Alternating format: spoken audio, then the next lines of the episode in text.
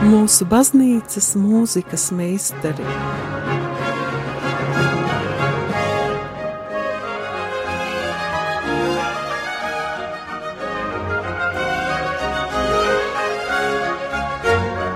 Studijā Dace Dreimane.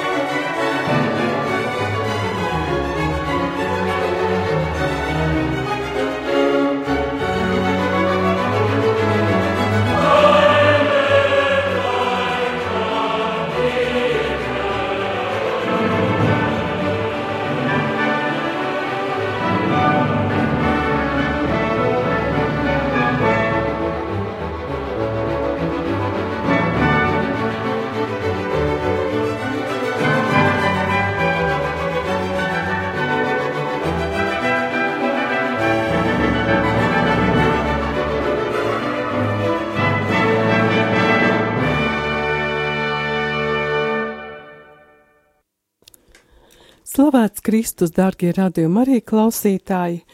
Eterā raidījums ir mūsu baznīcas mūzikas meistari, un studijā esam mēs Dāca Dreimane un mākslas zinātņu doktore Ieva Rozenbacha. Slavēts Kristus, ieviņ! Mūžīgi mūžam slavēts! Ir prieks atkal runāt par nopietnām lietām, un šīs dienas tēma ir Johana Sebastiāna Baha daļrade un konkrēti adventa laikam veltītās kantātes – kā pirmo jūs jau dzirdējāt, un tā bija reformācijas svētkiem veltīta kantāte, mēs nevarējām tai nepieskarties, jo, kā zināms, ir noslēdzies reformācijas jubilejas gads, un Johans Sebastians Bachs ir lielākais protestantu baznīcas komponists.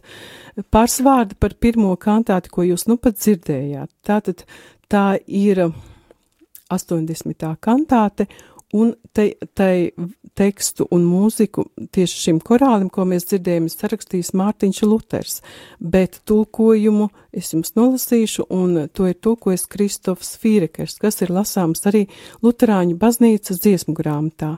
Vārdi ir zīmīgi, lai būtu vēlnu dieskāds bars, kas mūs grib aprīt kāri, mūs tomēr sargā Dieva gars, tas elles varai pāri, kas valda tumsībā, gan kaisti viņš niknumā, bet ko mums padarīs?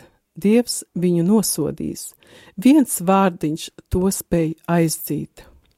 Lūk, reformācijas laiks ir noslēdzies, un kāds tas pāris vārdos, varbūt kāds tas ir Johanam Sebastianam Baham daļratē, viņa daļratē. Nu, jāteic tā, ka Johans Sebastians Baks būtībā jau ir tāds, uh, nu, pirmo pirmo reformācijas no nu, 100 vai 150 gadu mūzikas vainagojums. Uh, un tāds augstākais, nu, kulminācijas punkts tieši tādā uh, Nu, baroka stila mūzikā. Nu, kā zināms, renesans aizsākās, tad, tad reformācija aizsākās jau renesanses periodā, un tad, tad ne tikai teoloģiski iemesli, bet, teiksim, teoloģiskās sekas, jā, bet reformācija arī, teiksim, sabiedrība, arī politika, nezinu, literatūrā un daudzās citās jomās ir atstājusi tāds ļoti zīmīgas un, un vērā ņemamas mm, sekas un dažādus, nu, teiksim, ieguvumus, tā skaitā arī Uh, nu, tautas valoda bībelē un, teiksim, daudzas jaunas lietas arī mūzikas dzīvē. Nu, un ja mēs runājam tieši par mūziku, tad lielā mērā luteriskais dievkalpojums tieši mūzika izvēlējās par savu, nu, ļoti spēcīgu no izteiksmes līdzekli. Jo tad, tad pirmām kārtām tas, uz ko vērsās Lutheriskās baznīcas nu, ideologi, teiksim tā. Tas bija princips, ka um, izsmalcināt to daudzbalsīgo kora mūziku, kas valdīja katoļu baznīcā, Mm. Ja, kā mēs zinām, tā bija brīnišķīga gan Nīderlandes polifonijas skolas, gan Itāļu komponistu skolas, gan arī citu daudz komponistu um, mūzika, tad, ar ļoti izsmalcinātu uh, tehniku, bet bija zināms problēmas, jo, teiksim, teksta saprašanā arī tajā, ka draudz nevar iesaistīties, ja. Un lūk, tā tad uh, Luteriskā baznīca pa savu mūzikas nu, tādu principu izvēlējās visas draudzes dziedājumu, vienbalsīgu draudzes dziedājumu, tādu, tādu melodiju radīšana, kas pa spēkam ikvienam baznīcēnam, kur melodijas ir saprotams, teksts ir saprotams, un lūk, arī tas, ko mēs tikko dzirdējām, šis te korālis Dievs kungs ir mūsu stiprā pils, kas ir būtībā, nu, nozīmīgākais luteriskās baznīcas korālis, luteriskās baznīcas himna būtībā, ja. Jā. Uh, tā tad arī tas ir ļoti uzskatāms piemērs tam, kā nu, kādā veidā varētu būt dziedājuši arī no baznīcēm tajā laikā. Proti, tas, ko mēs dzirdējām, ja tā jau bija Baha apdara, tad, ar orķestri, ar kori, bet tā melodija jau uz visu kantātu paliek nemainīga. Un tas bija arī princips, ko Bahs izmantoja savās kantātēs, pēc tam tuvāk mēs runāsim vēl, bet tā tad visās viņa kantātēs viņš pa pamatu katrā ņem vienu noteiktu korāli, un šo korāli uh, um, ļauj dziedāt gan solistiem, varbūt tādā apdarinātā variantā, mhm. varbūt arī dialogos, varbūt kora numuros, un noteikti pašā noslēgumā to dzied arī visa draudze kopā. Mhm, kā korāli. Jā, mhm. tieši kā korāli četbalsīgā faktūrā, tāds majestātisks, kopīgs draudzes dziedājums. Nu, un tagad pievēršoties tieši adventa laikam. Uh, vēl gluži pirms kantātēm, ko, kuras Johans Sebastians Bachs, Bachs ir nosaucis kā adventa kantāts, ir tāda kā 140. kantāte, kura Bacham nav nodēvēta par adventa kantātu, bet kuru izpilda adventā. Jo arī to mēs varam redzēt mm, Luterāņu baznīcas dziesmu grāmatā, uh, Tās pamatā ir korālis, ak, Jeruzālemi modies. Un um, vai tev ir ka, kaut kas, ko tu varētu, kad varētu raksturot šo Jā, kantāti? šī kantāte ir, uh, nu, savā ziņā tipiska mm, Baha kantāte pēc tās veidojuma, ja, un proti, tā Baha kantātes bija uh, uh, rakstīts Lutāņu dievkalpojumam, svētdienu dievkalpojumiem, svētdienu un um, nu, galveno svētku dienu dievkalpojumiem, un to teksts, vai teiksim tā saturs, bija tieši saistīts ar konkrētās svētdienas lasījumiem, evaņģēlī lasījumu un pāriem lasījumiem.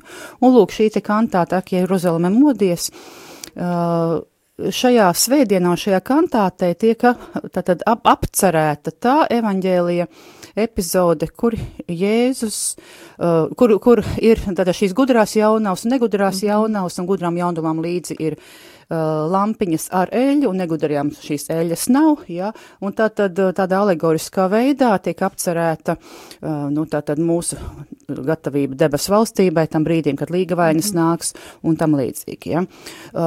Protams, atkal otrā paralēli, protams, šis adventlaiks, šī gaidīšana, šī līgavaina gaidīšana jau Ziemassvētkiem. Mm -hmm. Tad, tad te daudz un dažādi simboli sadarbojās, ja, un kas ir mu muzikāli būtiski, atkal līdzīgi kā iepriekš, iepriekš jau pieminētajā kantātē Dievs kungs ir mūsu stiprā pils, arī šajā uh, tāpat darbojas korālis, korāļa melodija, kas caurvīja visu kantāti, un um, tas fragments, kuru mēs klausīsimies, laikam pats populārākais no, no šīs kantātes un vispār viens no mhm. tādiem vispazīstamākajiem Baha skaņdarbiem. Um, Tas ir zināms arī orķestra variantā, arī ēģeļa variantā, ja? un tajā saklausām arī šī korāļa melodija, gan vokālā sniegumā, ja? gan arī instrumentālajās balsīs. Un kas ir būtiski, ka, ka nereti ieskanās tāds diezgan deisks intonācijas, tāds, tāds viegls skanējums, un te mēs varam arī tā iedomāties, ka varbūt Baks tur ir portretējis tās tās jaunavas, ja, kas tu nakts vidū Jā. varbūt tās tā uzcīt, uzcītīgi vai mazāk uzcītīgi gaida šo līga vaini, ja tāds tāds vieglums, varbūt pat deiskums, nu, caurvīja šīs kantātas skaņas. Līdz ar to arī tāds prieks Ziemassvētkus mm. gaidot. Kā jau tu minēji, ir dažādos izpildījumos, bieži vien ir kura, uh, kura izpildījumā, bet mēs šodien klausīsimies uh, uh, izcilā tenora Pētera Šrājera izpildījumā, tātad solistam. Un mēs dzirdēsim diezgan vēsturisku ierakstu, kas ir tapis um, 1970. gados apmēram um, diriģents Karls Richters, Minhenes bar baroka Baha orķestris un tātad solists Pēters Šrājers. Um, šai dziesmai latviešu valodā tekstu ir tulkojis Nikolais Kalniņš, bet teksta autors ir Filips Nikolai. Tātad latviski tieši šis korālis, šis pantiņš, ko mēs tagad dzirdēsim, skan šādi. Ciāna dzird sargu dziesmas, skan gavelis, mirt sveču liesmas, steidz sirdis lielo prieku paust, draugs tiem nāk no debesis vēlīgs, pilns lēnprātības, taisnīgs, žēlīgs, kā spoža rīta zvaigzne aust. Ak, nāc, tu palīgs cēls, ak, nāc, tu dieva dēls, gaismā tērpies, tu parādies, mēs steidzamies pie tava galda mieloties.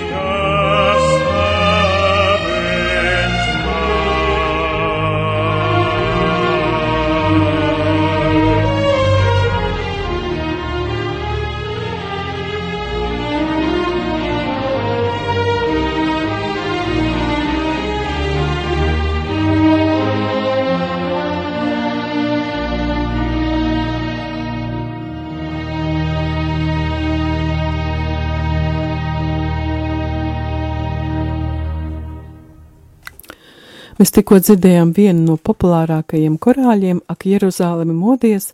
Jāteic, ka ir jūtams, ka tas ir agrāko laiku ieraksts, jo mūsdienās jau tas tiek interpretēts diezgan ātrāk, bet man ir ļoti tuvs šis izpildījums. Liekas, ka Pīters Šrājers pilnīgi tekstu un saturu ielēja ausī.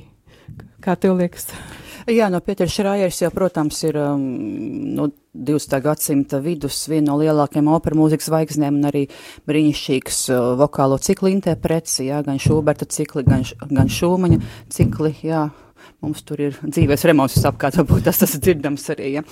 Nu jā, un, un teiksim, runājot par šīm interpretācijas lietām, tas ir, tas visu laiku, tas ir process, ja, un jo, jo, teiksim, vairāk tiek veikti pētījumi, tiek atrasti arhīvi, kaut kādi materiāli, vai tiek izpētīti mūzikas instrumenti, ja, vai, vai kādi jauni traktāti atklāti un, nu, pārvērtēti, ja, un varbūt tieši pēdējo, nu, kādu 20, 30 gadu laikā ir notikuši ļoti tādi būtiski pavērsieni interpretācijas tradīcijās. Ja.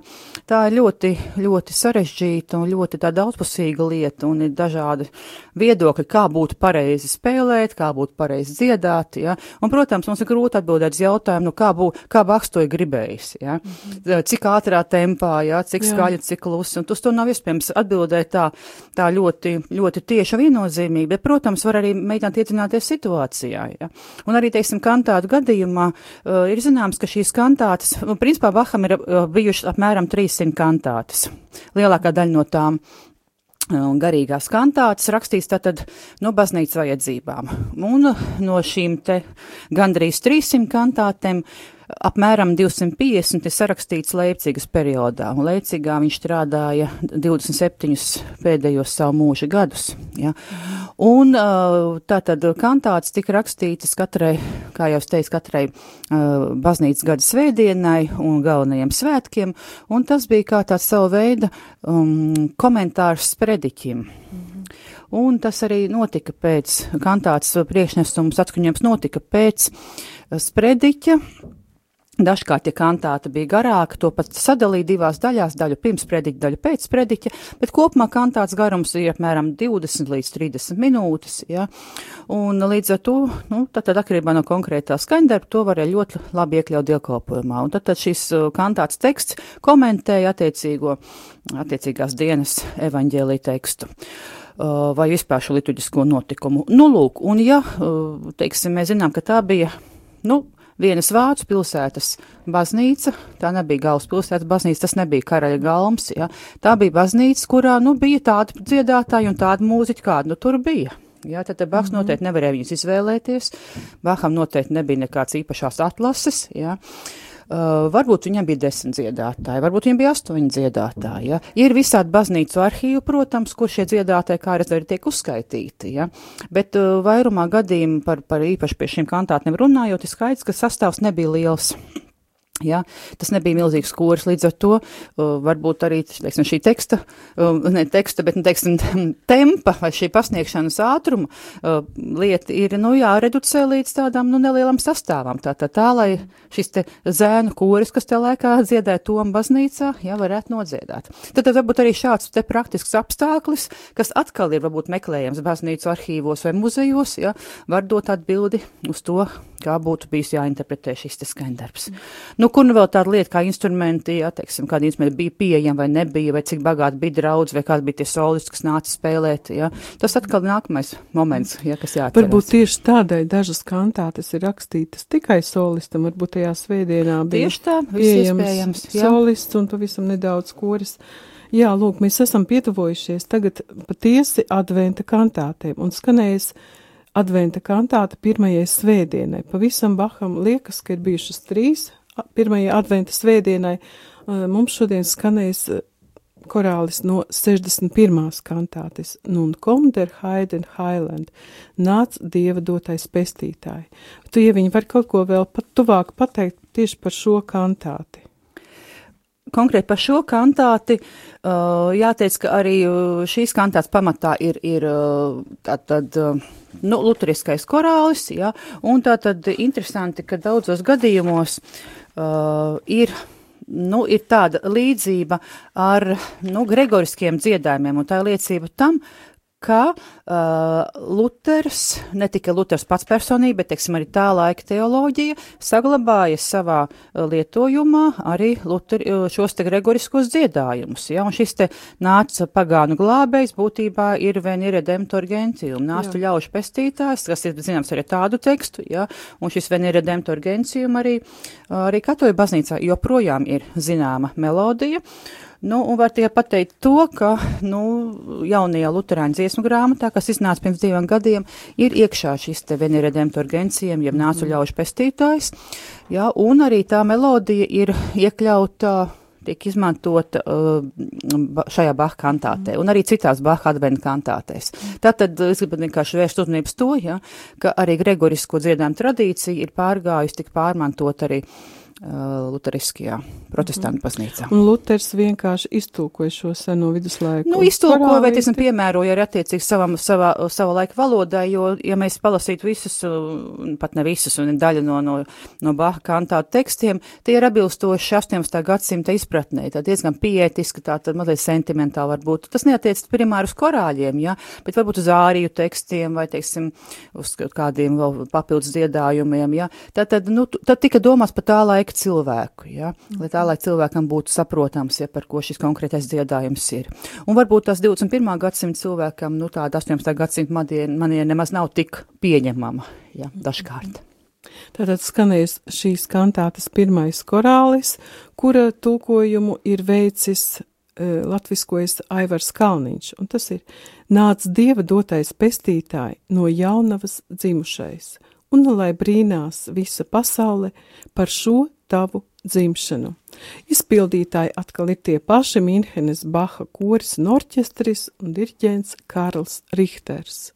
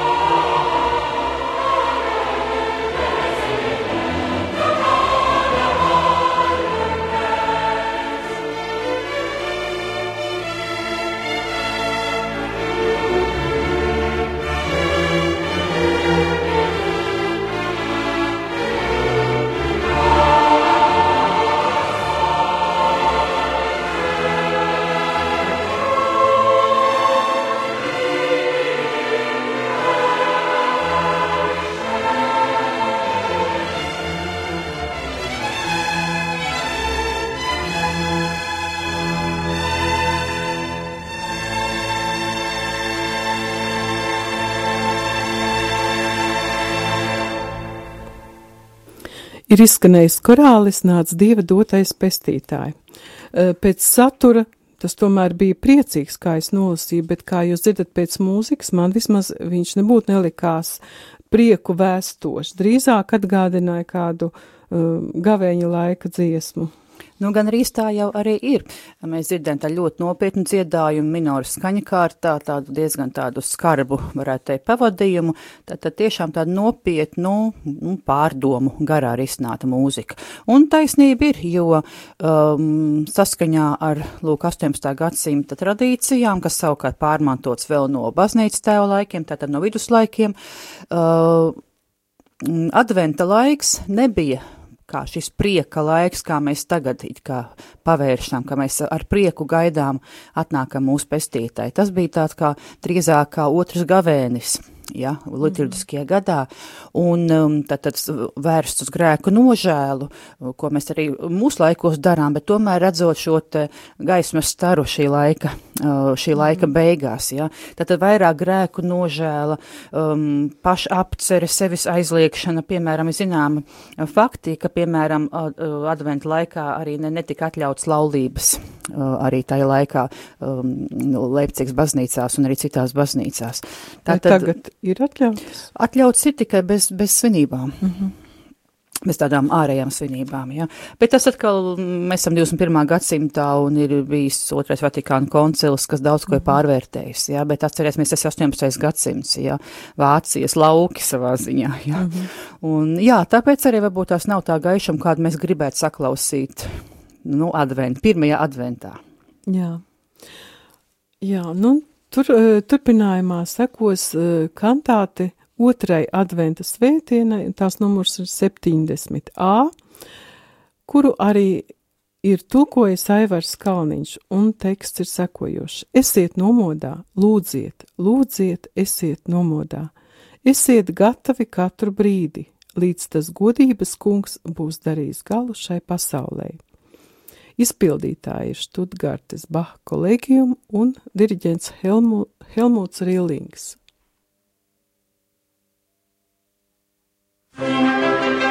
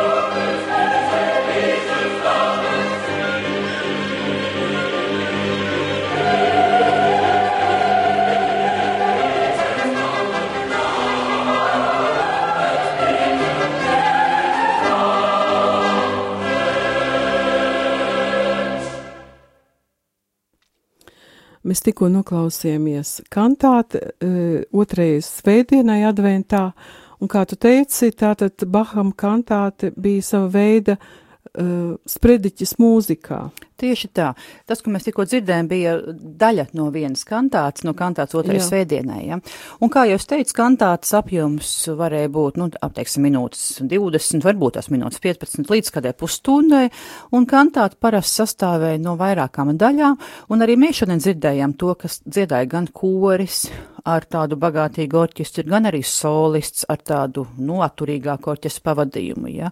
Tad, tad ir dažādi šie te sastāvi un dažādi veidi muzikālās formas kas, um, nu, tad, tad, kas bija domāta šim te atskaņojumam. Jā, un tad, tad kantāte veidoja vairākas daļas, un parasti sākumā un beigās bija kora numuri, un pa vidu bija solistu dziedājumi. Vai no ārijas varēja būt arī dueti, tātad divu solistu dziedājums, un varēja būt arī iesaistītā saucamie rečitatīvi. Un īstenībā šīs ir formas, kas ir izmantotas, kas tiek izmantotas arī operas žanrā.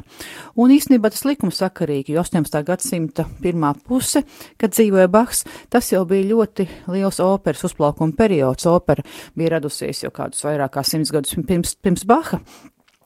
Bet uh, šīs opera mūzikas formas, jā, arī luteriskajā uh, baznīcā tika atzītas par ļoti nozīmīgām, jā, jo tās varēja izmantot tieši šādi muzikālam sprediķim. Un tu jāvērš uzmanība arī uz to, ka, kā zināms, uh, protestantu baznīcās nebija ne svētbilžu, jā, nekādu nestatuju, mhm. līdz ar to mūzika bija vienīgais tāds, nu, mūzikas, teiksim, vienīgais izteiksmes līdzeklis ārpus teksta, ārpus runātā vārda, jā, kas varēja varbūt rosināt klausītāju iztēli vai palīdzēt palīdzēt viņiem labāk saprast kādu no, nu, no, no apceramajām, no evaņģēlija epizodēm. Ja. Līdz ar to mūzikai bija ļoti liela nozīme, ja, un, nu, teiksim, Baha atstātais mantojums tikai to vien apliecina. Ja, ja katrai svētdienai viņš rakstīja jaunu skaņdarbu, ja, tā tad, mm -hmm. nu, tas nebija tikai tā nejaušība. Mm -hmm. Jā, nu tātad turpinājumā skanējas pirmais koris no 141. kantātes, kas ir rakstīta trešai adventa svētdienai. Un tās saturs ir citāts no svētajiem rakstiem, pirmās vēstules Timotejam.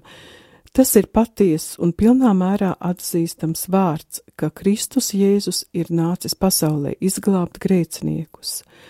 Un tas ir atkal koris, kur diriģēs Wolfgangs Helbis.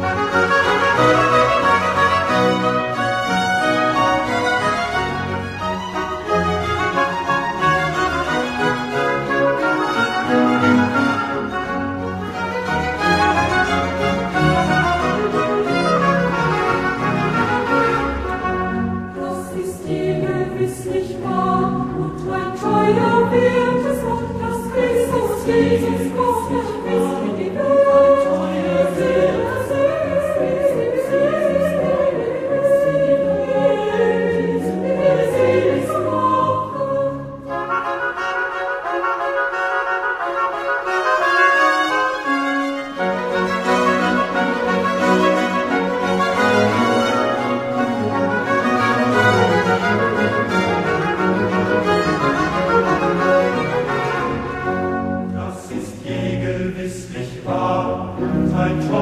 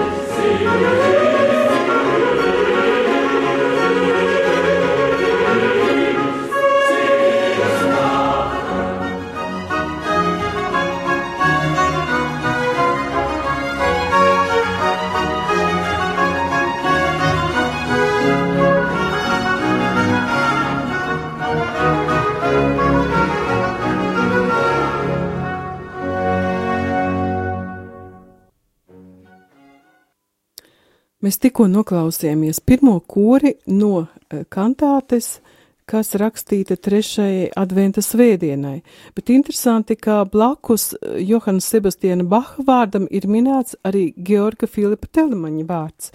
Kā to saprast?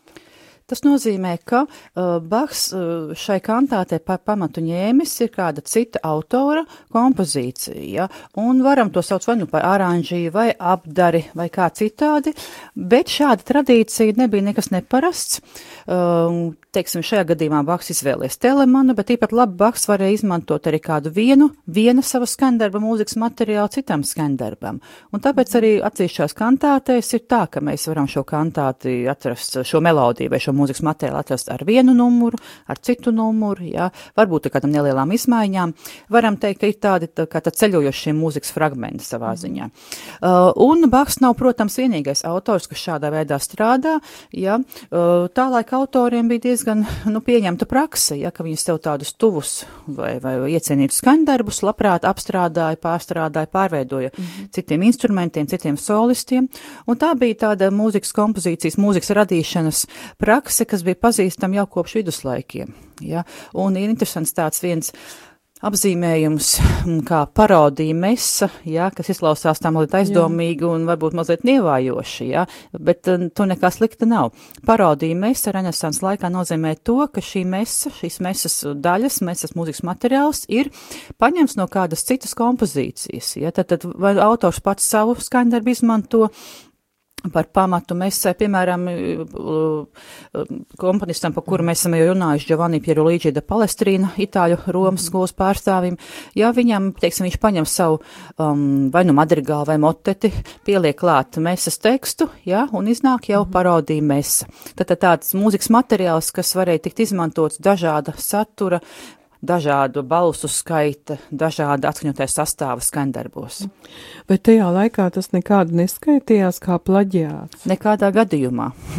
nekādā gadījumā nekā plaģiāts, un noteikti ne arī kā nekāda sakara autortiesībām tam nebija. Ja? Un kā jūs minējāt, tā ir praksa jau koši viduslaikiem, nu vēlīniem gan.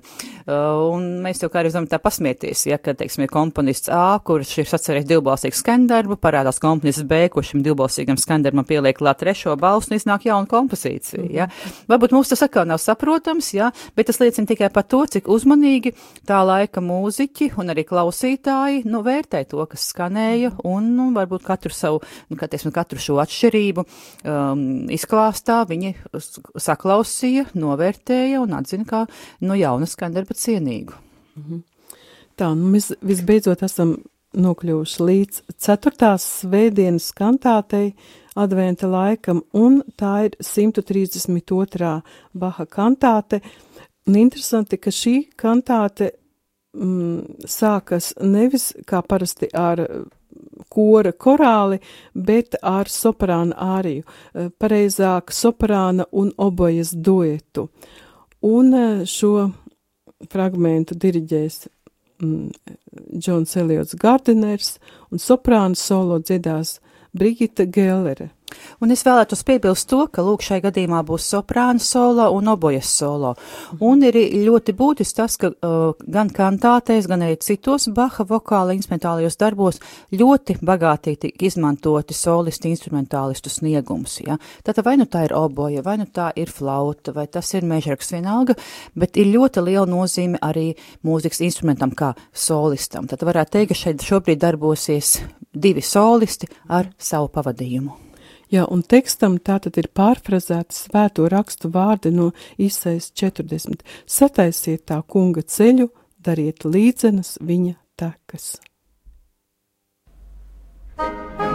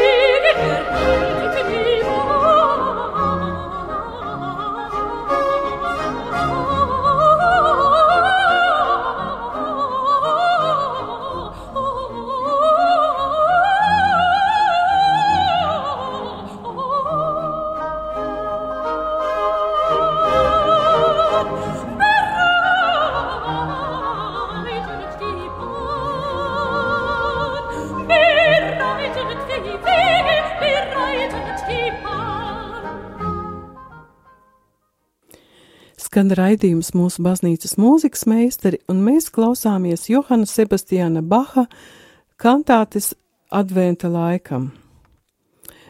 Uh, ir interesanti, ka dažām kantātēm ir it kā dubulta numerācija. Ir viens numurs, un um, turpat blakus ir kantāte ar to pašu numuru, bet klāt pielikts burtiņš A vai B.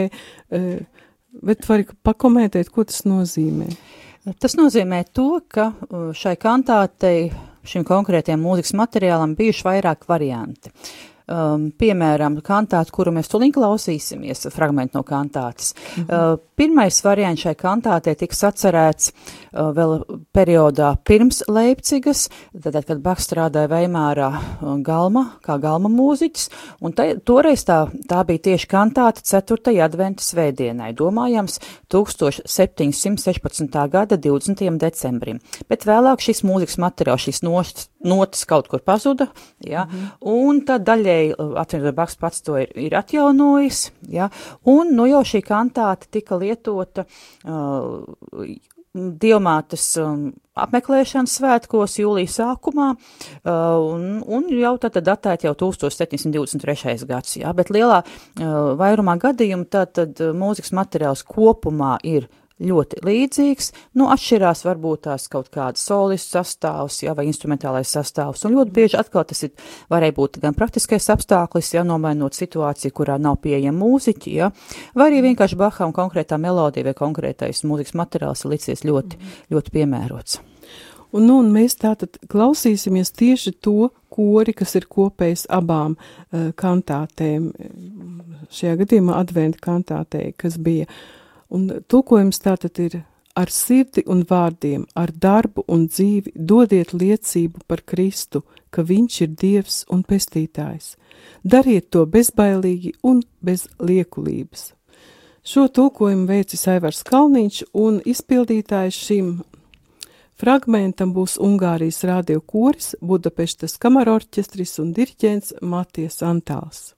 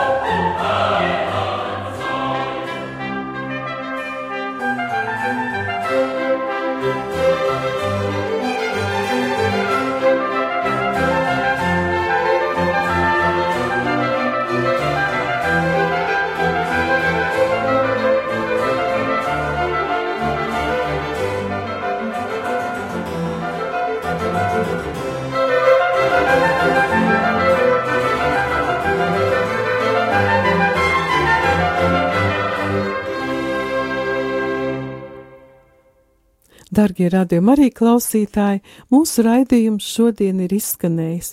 Paldies, Ieviņi, par brīnišķīgajiem komentāriem! Paldies, Dacīt, par iespēju piedalīties. Jā, un, eh, darbie klausītāji, jums svētīgu atlikušo adventa laiku un priecīgi sagaidīt Kristus piedzimšanas svētkus ar Dievu.